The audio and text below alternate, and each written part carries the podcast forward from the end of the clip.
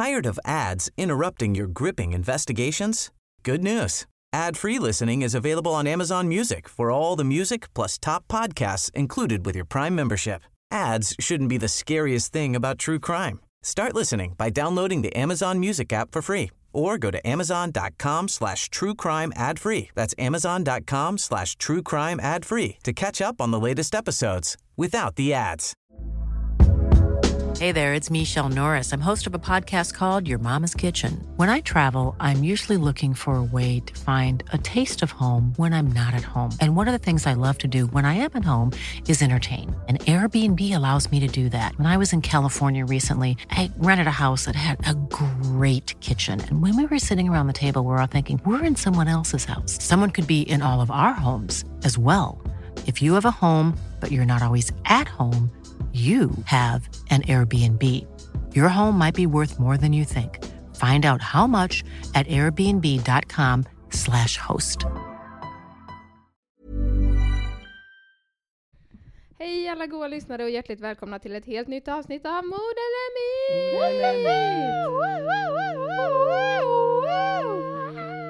Myt!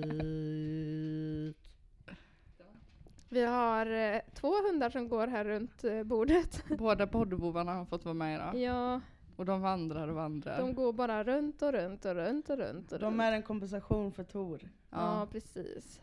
Tor har inte vaknat än. Istället för en flåsande Tor så har vi två flåsande ja, bovar. men okej, stå inte där då. Det är verkligen, de är ganska så här, de funkar bra ihop, men de är liksom inte, det De är inte hundra. bästisar Nej. alltså.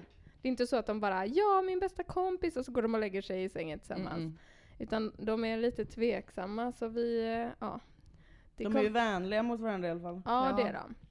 Och det funkar ju jättebra. Mm. Men eh, ibland så behöver man vara lite, ha fokus lite på annat håll så att säga. Men nu när Åka har fyllt fyra så har han ju verkligen, hans gubbsidor växer ju Mm. bara mer och mer. Låt mig vara. Ja. Han är riktigt så här surig gammal gubbe nu. Ja, och Vincent är fortfarande en liten pojkvasker. Kom då! Ja, du är duktig. Ja, du är duktig gris. Ja, vilken duktig gris du är. Ska du prata i micken? Hallå! ja, precis så låter den. Ja, tror, ni, tror du att det funkar om han är där nere? Tror jag. Mm. Då, då hoppas vi att det funkar. Annars hör vi hur de börjar bita ihjäl varandra. Då får vi springa dit. Tack och lov så är Vincent väldigt duktig på att vara undergiven fortfarande. Han brukar inte ta för sig något särskilt. Har det blivit en eh, hundpodd här nu? Ja. eller? P och välkomna till Hund eller myt. Mord eller hund. det är bättre. Nej, det är hund och skryt. Jag har researchat så jävla mycket det senaste.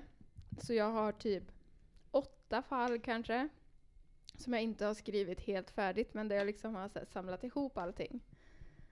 Så jag har fan legat Du är helt i. galen ju. Ja, det, jag vet inte vad som kom över mig riktigt. Är det fler eh, Rasputin? Ja, jag kan inte avslöja någonting ännu. Det är, kul sen när jag lyssnar på andra poddar där de liksom berättar så mycket. De kan ha med så mycket detaljer i sina poddavsnitt när de berättar om sina fall. Liksom. Och så kan de berätta om, sen kom den personen och sen kom den personen.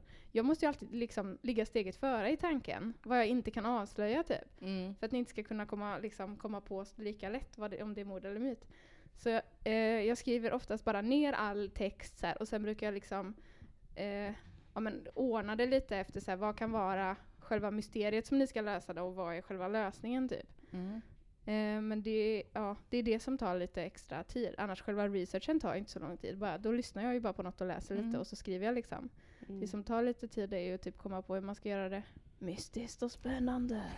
Jag tycker det lyckas bra. Ja, Tusen det. tack, tusen tack. Jag har fått lite konstruktiv eh, feedback faktiskt. Eh, flera som har lyssnat på podden av mina kompisar från början till slut liksom. Som tycker att vi har utvecklats väldigt mycket. Att det är mindre internt nu, det är lite mer så städade samtal. Men Det är för att du har blivit mer strikt i din klippning. Jag tror det också. typ som när vi i början där pratade om att åka taxi till flygplatsen i 20 Ja. minuter och jag klippte ner det till 7. Ja. jag var jättestolt. Eh, men också att eh, många som uppskattar den nya ljudutrustningen liksom. Mm. Eh, och flera som har sagt så här, för att jag tyckte ändå det var charmigt när det var lite sådär brus och skrot i ljudet. Hej gubben, välkommen tillbaka. Ja, hej. Vad du är duktig.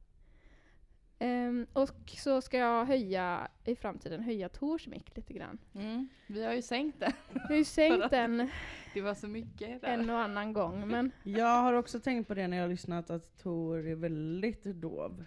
ja. Tor gör ju sig till väldigt, väldigt mycket och pratar väldigt mycket så Ja, här. precis. Poddrösten Vi liksom. får alla ta fram våran inre Tor och prata lite mer så här. Med den mjuka Ska rösten. vi så köra Ja. ett ska Tor-avsnitt att vi alla bara Alla pratar pratar så här? Hela avsnittet. Det var en gång Ivar Igelkott sitter där tvärs över. Internationella igelkotten Iva.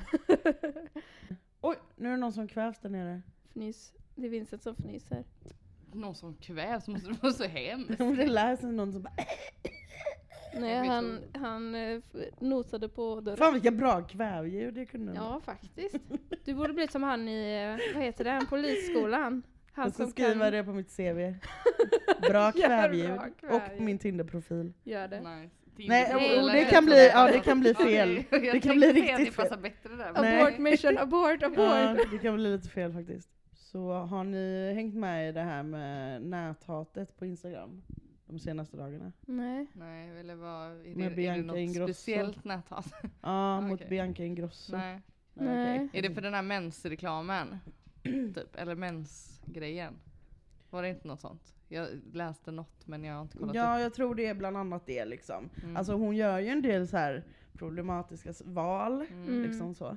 Men eh, tydligen så har det liksom verkligen gått över gränsen när det gäller liksom mobbning mot henne. Mm. Okej. Att de så här taggar henne i stories när de liksom pratar illa om henne och ja men alltså hon, det går, alltså det, det har liksom blivit så stort så att folk har börjat eh, säga ifrån nu liksom. Mm. Alltså andra eh, kända instagram-profiler har liksom gått in och bara nu räcker det.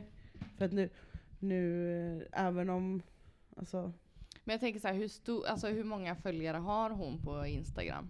Hon måste väl ha några Jättemånga. miljoner? ja. Mm. Alltså jag tänker att typ de flesta kontona som har, kommer upp i den typen av mängd får den där grejen. Eller som jag menar man ser eh, det här som, är det Jimmy Fallon som har gjort det till en grej när så här, eh, skådespelare läser tweets om sig själva? Ja, Såna elaka tweets. Alltså jag tänker Mm. att när du går över en viss gräns så kommer det så mycket hat så att du måste på något sätt, din, dina sociala medier kan inte vara till för att vara social längre. Mm. Det får vara för dig att posta.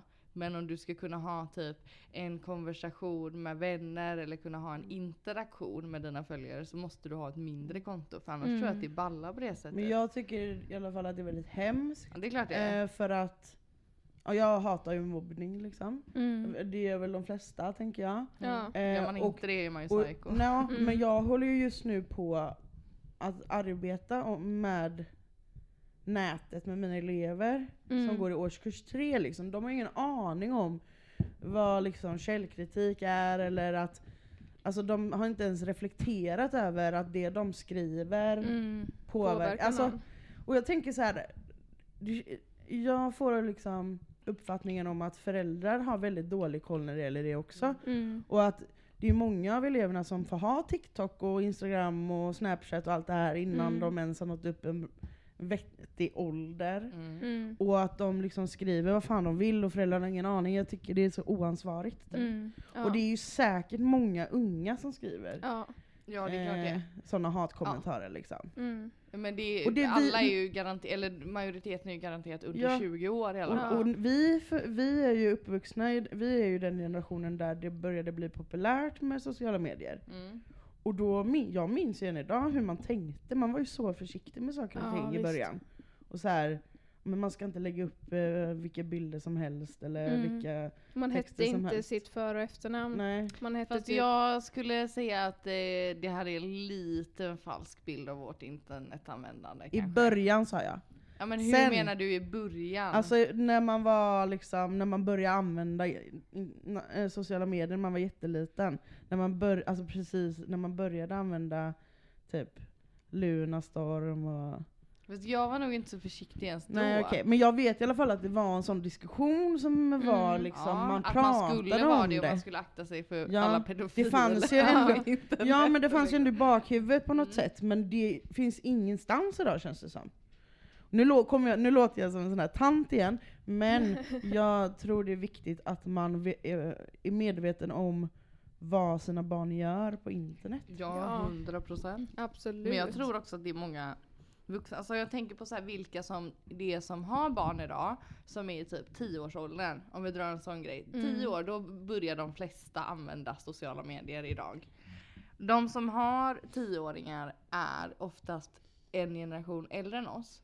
Mm. Mm. Alltså inte är riktigt så här sociala mediers ursprungsbefolkningen som har varit med från början. Nej. Utan de tappade, det kom när de Mm. var lite för gamla. Ja. Så jag tror att sällan föräldrar till tioåringar idag har ens koll på vad de själva gör på Ja, nätet. ja. typ. Mm. Så är det Men jag tänker att kanske när vår generation börjar ha Mm. tioåringar. Ja. Sen är det klart att det finns vissa som är lika gamla som vi är som har en tioåring nu. Men inte ja men jag fattar vad du menar, ja. vi pratar ju då, generellt sett ja, då Mm. kommer det nog kanske tas lite mer på Mm. allvar tror Ja jag. men jag tänker ju så här att, att jag tror inte ens att många av föräldrarna ens vet att det finns en åldersgräns eller liksom ens kollar upp det. Utan det är typ Mm. så här. Mamma, eh, Kevin har TikTok, jag vill också ha TikTok. Mm. Bara, Okej, om Kevin har TikTok så får du ha Ja, TikTok och typ såhär, gör inget konto Eh. då i alla fall och sen så Ja. går det några veckor och så, men kan inte få ett konto men ja det är dolt, ja okej Mm. då. Och sen så, För det är ju också mycket hemska saker på ti- Mm. alltså så här, om man nu ska vara sån.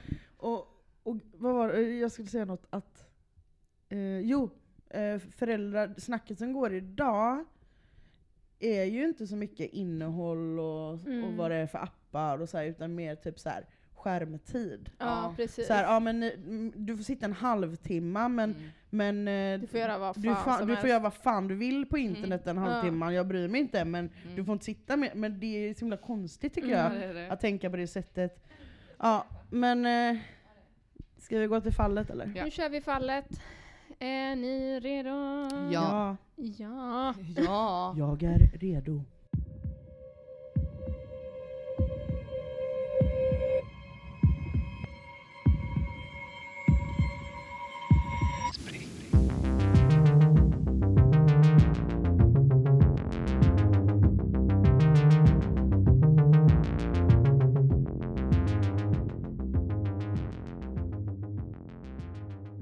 Okej. Det är den 15 november 2010 i Beaumont, Texas. Där spenderar Gunnar sin kväll precis som han brukar. Han bor på hotell på en jobbresa, något som han gör väldigt ofta. För varje måndag morgon så sätter han sig i bilen och så kör han två timmar från sin hemort Lafayette i Louisiana, där, ja, där han bodde, till Beaumont, Texas. Under veckan bodde han då på eh, det här hotellet.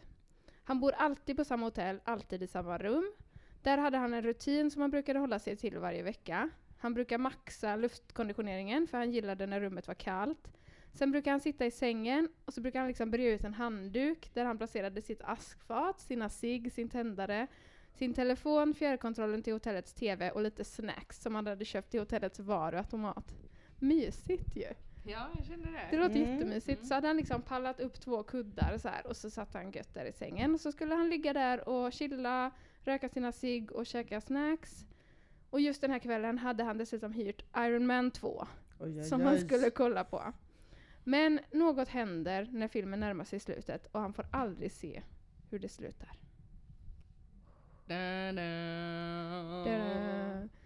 Dagen därpå har Gunnar inte hört av sig till sin fru Sylvia. Vilket också är, brukar vara liksom en del av hans rutin. Och hon försöker kontakta honom men han svarar inte. Så då blir hon orolig och kontaktar hans kontor för att berätta att hon liksom inte får tag på honom. Så två av hans kollegor åker då till hotellet för att knacka på hans dörr, men det är ingen som öppnar. Så de hämtar hotellets chef för att få hjälp att öppna dörren. Och väl inne i rummet hittar de Gunnar precis innanför dörren. Han ligger liksom hopvikt som att han har ramlat ihop och han är död. En polis som jag kallar för Sven Adamsson blir ålagd att utreda brottet. Det första Adamsson upptäcker är att det inte finns särskilt mycket i rummet som tyder på brott överhuvudtaget. Inga tecken på inbrott eller kamp, inget som är i oordning i rummet, inget blod eller tydliga sår på kroppen. Gunnars plånbok ligger fortfarande kvar i fickan på hans jeans och i den finns det flera hundra dollarsedlar. Ingen i de närliggande rummen har hört något. Han letar igenom Gunnars väska efter piller för att han tänker det kanske var en överdos, men han hittar ingenting. Adamsson misstänker helt enkelt att Gunnar bara sådär dött av naturliga orsaker. Eh, kanske en hjärtattack eller en hjärnblödning eller någonting sånt. Gunnars fru Sylvia intervjuas av Adamsson. Hon beskriver Gunnar som en envis man som var tveksamt inställd till auktoriteter. Han kedjerökte och tränade aldrig. Han drack och åt i lagom mängder. Eh, så det var alltså ganska lätt för Gunnars nära och kära och även polisen då att tro att det rörde sig om att kroppen bara sådär gav upp plötsligt. Men samma dag som Gunnar hittats obduceras hans kropp. Obducenten tror att det ska gå ganska snabbt, att det liksom är en rutingrej, men så är det inte. Varning, varning känsliga lyssnare, för nu blir det grafiskt. Ni kan hoppa fram lite om ni tycker det känns jobbigt. Under obduktionen hittar eh, obducenten bara två sår på Gunnars kropp. Ett litet sår på ena kinden, antagligen från när han stöp ner i mattan där framför dörren där han hittades. Och ett sår på hans ena testikel. Hela området är liksom svullet och blått. Och det ser ut som att han har fått en riktigt hård spark i skrevet. När obducenten sen öppnar upp kroppen blir han chockad, för det är rejäla skador på flera av Gunnars organ. Det finns sår lite varstans, på magsäcken, på levern, han har två brutna revben och han har ett hål i hjärtat. Skadorna påminner om skadorna hos någon som blivit misshandlad till döds eller fått något tungt över sig. Då fastslår obducenten att Gunnars dödsorsak är mord. Grejen är att det sker väldigt få mord i Beaumont, typ 10 per år, vilket är väldigt lite för att vara USA, och särskilt Texas. Polisen i Beaumont har aldrig stött på något som är så här mystiskt. För poliserna brukar arbetet vara enkelt, typ intervjua den fulle pojkvännen med krutrester på händerna och sånt. Men det här fallet är långt ifrån enkelt att lösa. Adamsson spenderar de nästkommande månaderna med att följa upp varje ledtråd, varje möjlig förklaring, men han hittar ingenting. Efter sex månader har han kört fast helt. De fysiska bevisen förbryllar Adamsson mest. Hur fan har Gunnar, Gunnar kunnat bli misshandlad till döds med brutna revben och trasiga organ utan att skadorna syns tydligare utanpå kroppen och utan att någon hört eller sett någonting alls. Ingen har ens setts gå in eller ut ur rummet på filmen från övervakningskameran. Och varför? Gunnar har inga fiender. Så Adamsson vänder sitt fokus mot Sylvia, Gunnars fru. För ni vet, det är alltid partner som har gjort det. Hon träffade Gunnar i 20-årsåldern, när hon var sångare i ett rockband. Han blev upp över öronen förälskad i henne. De hade gift sig och sen efter ett tag så hade de skilt sig och varit skilda en period. Men under deras år isär hade Sylvia insett att det var Gunnar hon ville leva med, så hon hade ringt upp honom. I telefonen säger han då ”Jag har väntat på att du skulle ringa”. Sen gifte de sig på nytt och när Gunnar dog hade de då varit gifta i 15 år, deras andra äktenskap. Så de har liksom ja, varit ihop länge, ganska solida. Gunnar var ingen alkis, ingen skummis. Det var en städad och framgångsrik man med ett stabilt liv som dessutom var lyckligt gift. Så vad fan är det som har hänt? Adamsson har nu två teorier. Nummer ett. När Gunnar skulle lägga sig till rätta och kolla på sin film hade han ju köpt snacks. Och han skulle poppa popcorn. Och när han gjorde det så hade han råkat eh, slå ut en propp så att hans och de intilliggande rummen blev strömlösa. Och då hade han fått gå ner till receptionen och skamset be om ursäkt. Då skickade de upp en vaktmästare för att fixa problemet. Och just den här vaktmästaren hade ett eh, förflutet som sexualförbrytare. Så det blev polisens ena teori då, att någon, till exempel vaktmästaren, hade skadat Gunnar under någon form av sexakt. Men Adamsson har inga bevis som kan styrka detta. Den andra teorin rör ett gäng elektriker som också bodde på hotellet. Och de bodde där under ganska lång tid eh, för att de jobbade för något oljebolag. Några stycken av dem bor i rummet bredvid Gunnar. Och på kvällarna brukar de ses och supa. Kan det ha varit så att de blev arga på Gunnar när strömmen försvann och att de då knackat på hans dörr och saker har ut, urartat till en fight? Men det finns inga bevis för det heller. Dessutom så var alla de här elektrikerna väldigt trevliga, nyfikna, hjälpsamma. De lämnade sina körkort och sina telefonnummer till Adamsson och uppmanade honom att höra av sig om de kunde hjälpa till. Så Adamsson fortsätter att undersöka fallet men han kommer ingenstans. Men under tiden ringer Sylvia till en privatdetektiv som är expert på olösta fall och han vill gärna hjälpa till. Jag kallar den här privatdetektiven för Kenneth. Han börjar med att intervjua Sylvia och ställa frågor om hennes man. Var han otrogen? Hade han skulder, drogberoenden och så vidare? Sen frågar han, fanns det någonting i rummet som var ovanligt? Och då berättar hon att hon hade fått höra att rummet var varmt och Gunnar ville alltid ha det kallt. Det hjälper polisen att eh, kunna fastställa dödsorsaken. Adamsson och Kenneth blir jättegoda kompisar.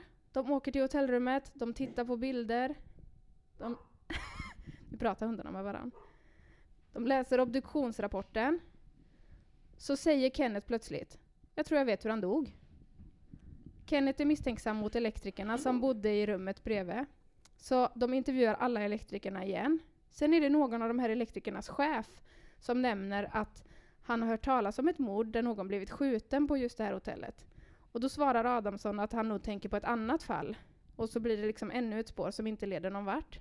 Då åker de till, tillbaka till hotellet på Kennets inrådan och när Adamsson frågar ja, men vad ska vi göra det här, vi har varit där tusen gånger, så svarar Kenneth vi ska leta efter ett kulhål. De letar och letar i Gunnars rum. Till slut hittar de en liten buckla i väggen. Det har blivit lagat, men den lilla inbuktningen syns ändå tydligt. Först så tänker de att det kommer, märket kommer från när man har öppnat, öppnat dörren, att dörrhandtaget har smält i väggen. Men det matchar liksom inte. Och då tittar de på andra sidan väggen i rummet intill. Där hittar de ett litet hål som är igenfyllt med tandkräm. Det är ett kulhål. Gunnar har alltså blivit skjuten av någon i rummet bredvid. Nu får ni gissa. Men han hade väl inget kulhål på kroppen? Ja, det kan jag berätta sen i så fall. De hade bara hittat ett sår på kinden. Från mattan. Och pungen. Ja. Han fått en kula i pungen. En, till, en tredje kula fick han. Alltså- Nej vad hemskt. Ja. Han hade ju samma hotellrum varje gång Mm. han var där. Så det kan ju ha varit så att någon har liksom följt efter och spionerat på honom ett tag liksom. Mm. Han kanske alltid köper snacks och kollar på Iron Man. Ja det var ju hans rutin. Ja. Så att det kan ju mycket väl vara någon som hyr då hotellrummet bredvid varje gång också Mm. för att liksom... Ja. Hans AC kanske påverkade den som bodde bredvid också så det blir askallt i dens rum. Den är så jävla lack och man hur räcker det? och så blir det Kallblodigt varmt mord till då. slut. Nej, jag ska. Men... Eh, Först var jag helt övertygad om att så här, men det här är mord. mm. Det lät, det är bara, de vet bara inte vad som hände men det är ett mord. Eller vi får inte veta för de visste inte till att börja med. Men nu blir jag så här. det är lite för mycket knasigheter. Ja men jag vet inte, jag tycker det, Ah, det är lite så här. Ja den här jävla Kenneth också liksom. Som kommer där och bara nu ska vi leta efter ett skjuthål. Ja eller så här, vadå bara att chefen har hört att någon har blivit skjuten där och att det varit ett sånt mord och då bara ja. Då- Då är det det. Då har det hänt igen där då. Mm. Nej. Men vänta lite nu. Jag tycker det är så märkligt att de... de han kan ju inte ha blivit sjuk, eller han hade ju så mycket skador inuti kroppen. Ja. Han hade hål i inte av, eh, hjärtat och massa sår på organen. Och ja. Det känns märkligt att... En kula kan ju inte göra den skadan. Nej, Även precis. om man faller ner i golvet. Sen kan ju kulan vara dödsorsaken, Mm. fine men... Han typ att ju... någon har misshandlat honom efter att han är död då. För då får man Mm. ju inte blåmärken. Mm. Men varför skulle man göra det? Då måste man ju vara väldigt arg på honom. Ja, då är man ju psykopat. Ja. Och vad kan han ha gjort? Kallt. Rum. Hö hög volym på tvn. ja. Det var kallt Sitter och han och kollade på röker. Iron Man 2, Mm. vi dödade honom. Ja, Ja. Och det här var 2010. det var det. Ja.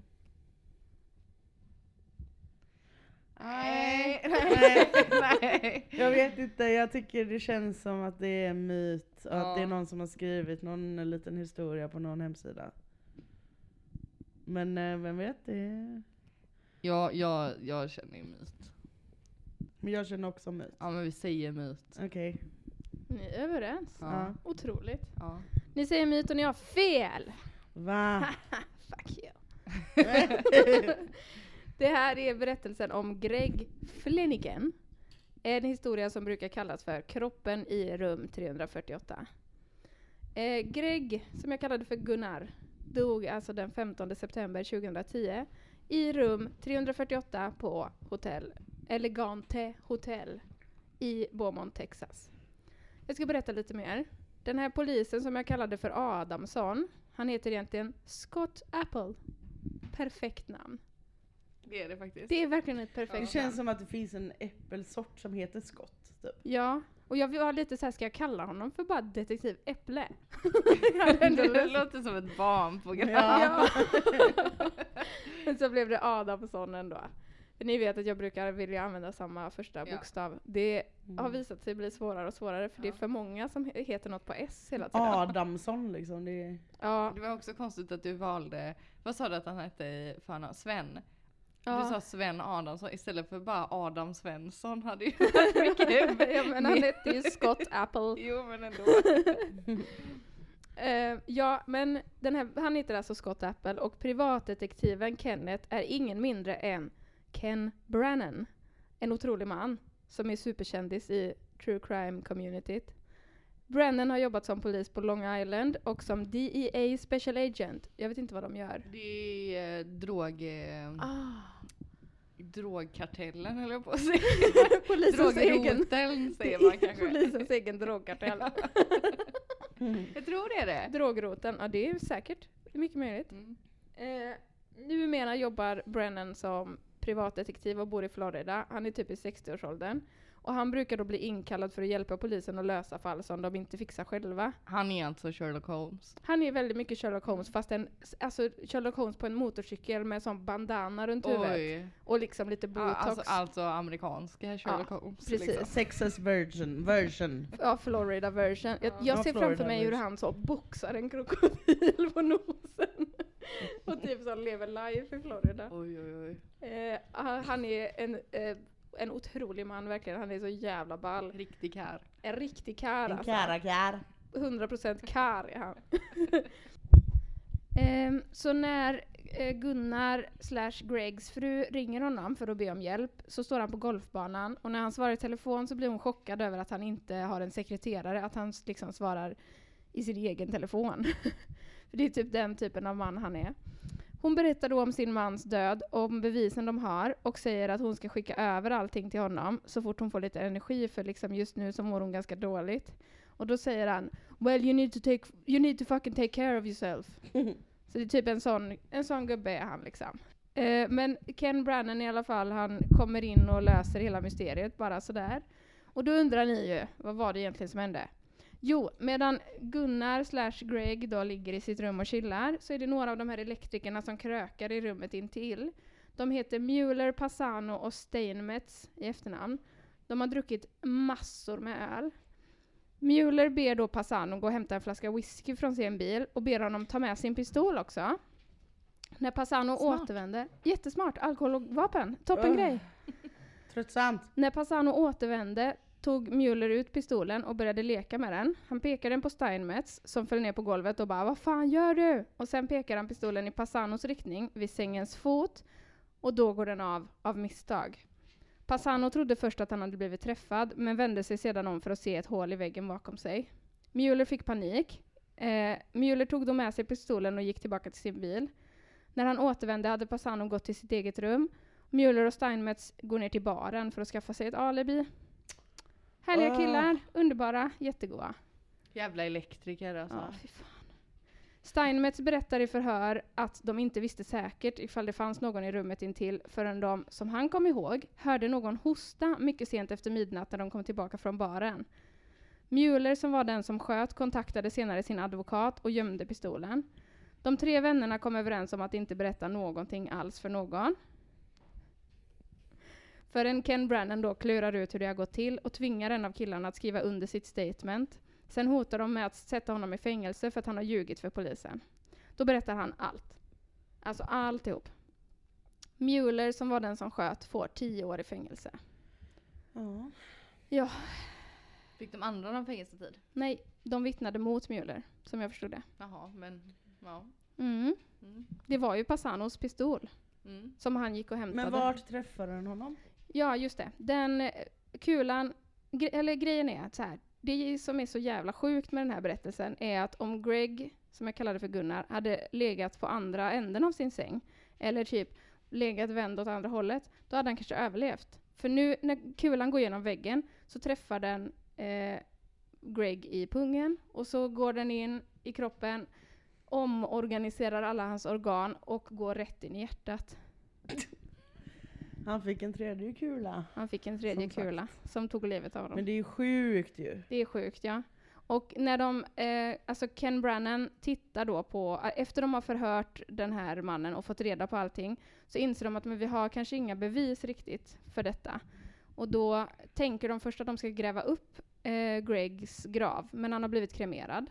Så det går liksom inte att hitta några kulfragment i, eh, ja för ni vet det är ju rövvarmt. Det har vi pratat om innan, i ett Mm. krematorium.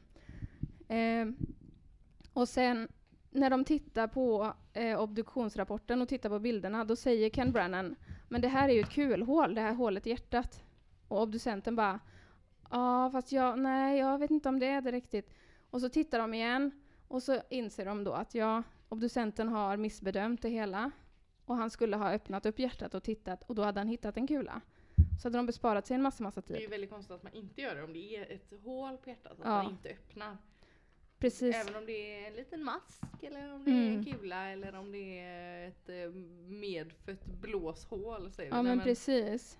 Att Ja, för- inte vad det är. Vanligtvis vid en obduktion så tittar man liksom inte på hjärtat, utan man brukar ta ut det och väga det möjligtvis. Men det gjorde inte Borde han. ju också väga mer om det hade varit en kula i. Man tycker ju det. Eh, så att när han har blivit skjuten där i sin säng, då försöker han ta sig upp till dörren för att hämta hjälp, men han dör innan han har hunnit öppna liksom. Det är Det är därför han hittas där på golvet. Ja, det är så jävla hemskt alltså. Absurd död.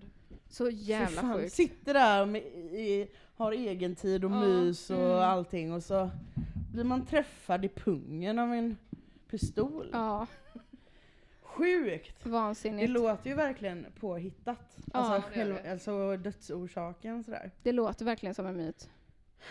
Men det är så jävla irriterande med USAs vapenlagar. Mm. Att det är tre snubbar kan gå och hämta en pistol på fyllan Mm. Ja. i sitt hotellrum och latcha runt. Precis. Och råka skjuta någon i pungen. Ja. Ja, det är ett sånt Det vansinne. är ofattbart. Ja. Det är verkligen ofattbart. Man kan verkligen inte förstå hur det kan få ske liksom, och bara fortsätta hela tiden. Bara, Mm. Det bara får pågå och folk bara ska försvara sin rätt att få ha pistol. Mm. Jag måste få latcha med den på fyllan. Ja, Men är inte det till Det är och med i deras här grundlagar Jo. som är liksom, det, är väl det second commandment till och Mm. med, typ rätten att få bära vapen. Precis. Det är helt stört. Det är vansinne.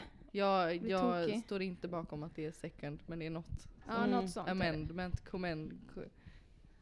Second, second Det är i alla fall bullshit. knas här i alla fall. det är det. Knas är det. Och grejen är att eftersom det här är Texas, så jag menar hade, om Mueller då, han som eh, avfyrade pistolen, om han hade gått och knackat på dörren, försökt ta reda på om någon var där inne, kanske ringt ambulans, kontaktat eh, receptionen, om han hade liksom tagit sitt ansvar, då hade han gått fri. Men nu, för att det, det händer, att det är Ja. så här accidental shootings. Ja, Det är ja de det, vana det vid. händer ja. Mm. Man De- råkar skjuta någon. Ja, det, de är vana vid det i Texas liksom. Och hade han då gjort alla de sakerna så hade han inte fått någon fängelsetid, men nu fick han då tio år för mord helt enkelt. Även om han inte hade uppsåt. Det är sjukt. Och det tar, det tar liksom två år innan han döms. Så under rättegången så säger Gregs fru så här till honom. I have waited over two years to look you in the face, eye to eye, and simply have the chance to speak directly to you. You would never have come forward with the truth. You murdered him. No, you didn't intentionally seek him out to murder him, but you did it. You murder him. With every lie you told, with every intentional selfish deception, with every cover up, over and over again. You saw his body taken out of the room in a body bag the next day. You knew you killed him. He meant nothing to you. Det är så jävla kraftfullt att Ja, man orkar säga det. Mm. Usch. Helt sjukt. Hemskt. Ja, det är så fruktansvärt sorgligt. Och att inte veta. Att det bara är Mm. så mystiskt och så Mm. många oklara saker och att liksom ta så lång tid innan hon kan få en chans att gå vidare liksom. Mm. Usch så hemskt. Det är fruktansvärt. Jättehemskt. Nu ska jag titta vad din hund gör. Ja, gör det. Det blev sådär misstänksamt tyst. Ja. Är han på mitt rum eller? ja. Mhm. Fryser i alla hörnen. Jag ska säga mina källor. Jag har läst en artikel. Åh, Åh. det är hans bästa plats. Eh, mina källor. Jag har läst en artikel på Vanity Fair som heter The Body in Room 348. Och jag har läst på en sida som heter I can't believe it's non-fiction. En artikel som heter Greg Flanagan. Nice hemsida. Ja, eller hur? Ska nog plocka med från Jag den. vill gå in där. Nej, du får inte göra är det. det bara mord? Eh, det vet jag inte än. Jag har inte Okej. kollat så mycket. Du får ändå jag ska inte gå inte in gå där. in där. Nej, gör inte det då. Mm. Mm. Ja, för fan killar eh, med pistol. Usch säger vi. Alkohol Killen trodde han var cool för han hade en pistol. Han Men inte. egentligen var han en stor tönt. Jävla tönt, din jävla tönt. Alla i USA är töntar. Men alltså det är så svårt att leva sig in i den situationen att man är full och ens kompis bara Ja men när du ändå hämtar mer sprit kan du också ta med din pistol. Ja. Och man Ja, bara ja, ja, jag fixar det, jag löser det. Absolut, jajamän, Absolut. ja, ja visst det går Det jättebra. är typ så att ta med en kapsylöppnare. Nej, Det är som att jag bara, ja Rebecka, kan du hämta en bärs till mig? Och när du ändå är där uppe, kan inte du hämta en stor kökskniv också till mig nu? Jag har lust att Alltså det leka är med så den himla lite. så här, o, så ologiskt. Ja. verkligen. Puckat verkligen. Varför i helvete skulle man vilja liksom eh, riskera att utsätta någon för... Ja, men med tanke Men- på att det lätt kan hända olyckor. Ja. Eller också så här, en olycka med en pistol, det är inte typ ett skärsår Nej. eller ett Mm. skrubbsår eller en eh, Det är inte som att stukning ramla på eller grus ett blåmärke. typ. Det är död. Ja. Död. Ja. Liksom. Och varför, vill, varför är det så kul då liksom? Alltså Mm. ja, det är så himla... Jag fattar verkligen inte det roliga. Undrar Nej, om det det finns någon kvinna i USA som har råkat mörda någon på fylla med en pistol. För att hon har runt. Ja, det finns ett fall där en kvinna då. mördade sitt barn. Som Ja. jag har läst om, som jag funderade på att ta upp i podden och sen så typ började jag gråta när jag läste om det och bara nej, det är för hemskt, det är för hemskt, Nej, det är för hemskt. Dra inte Men det är så Ja. sjukt! Det passar sig inte att göra, Nej. göra nöje av. Men Exakt. också så här hur lätt det är för barn att få tag på sina föräldrars Mm. vapen.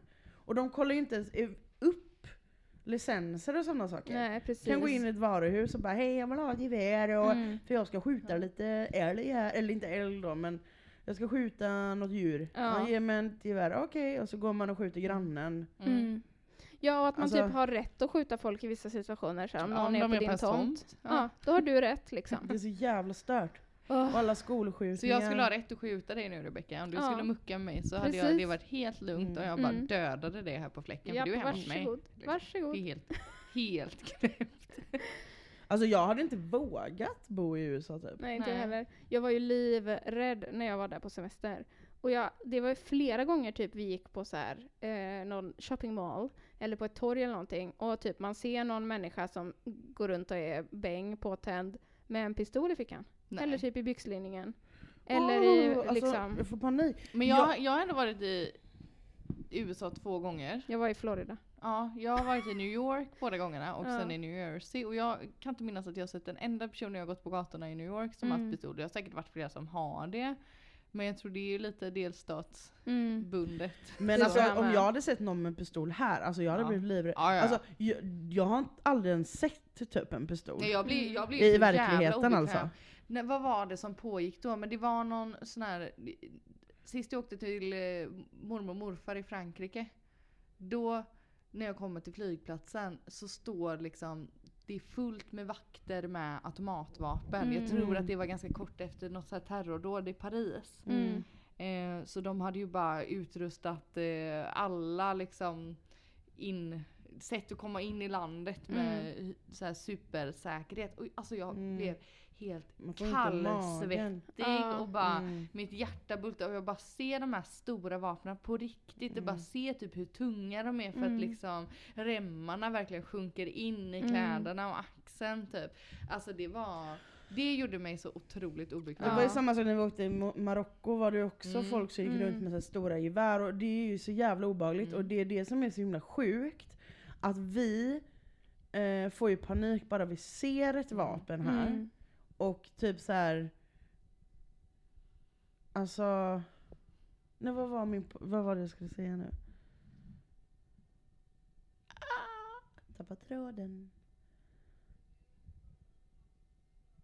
Ja, skitsamma men det är så sjukt i alla fall att här i Sverige så finns det inte ens en, många som har sett en pistol i Mm. verkliga livet. Och man har en respekt för vapen och vad den kan göra mot en liksom. Mm. Medan i USA så är det så här vardagsmat för vissa och ja. att man liksom Jag har ju en tradition på min pappas sida i släkten att eh, det är en hobby eller eh, sportgrej, är det väl mer att skjuta luftgevär Mm. och så här tävlat i det och grejer.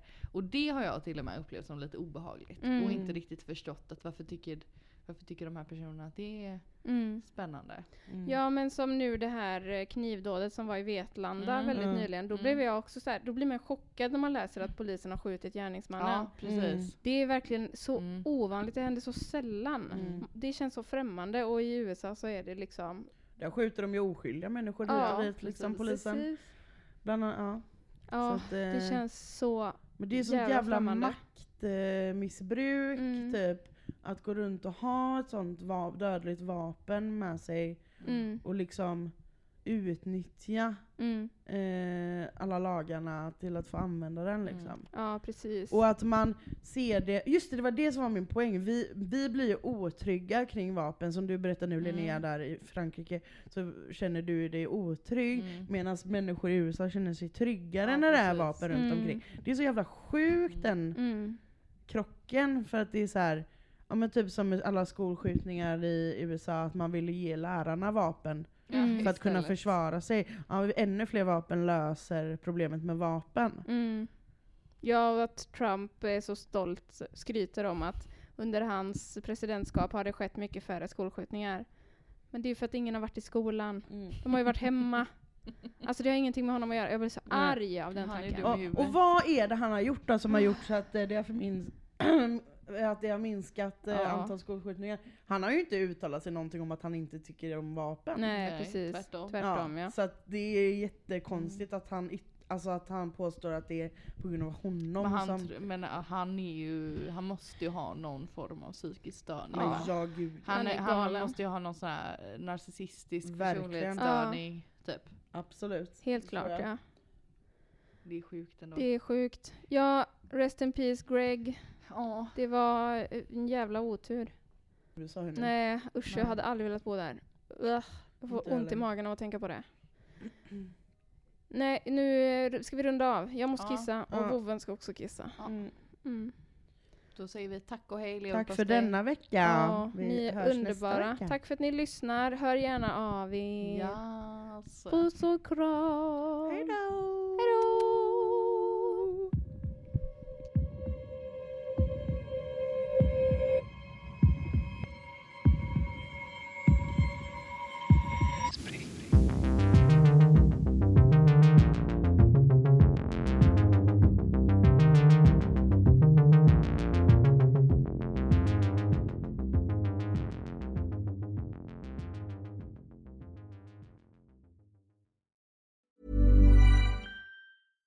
Hey, it's Paige DeSorbo from Giggly Squad. High quality fashion without the price tag. Say hello to Quince.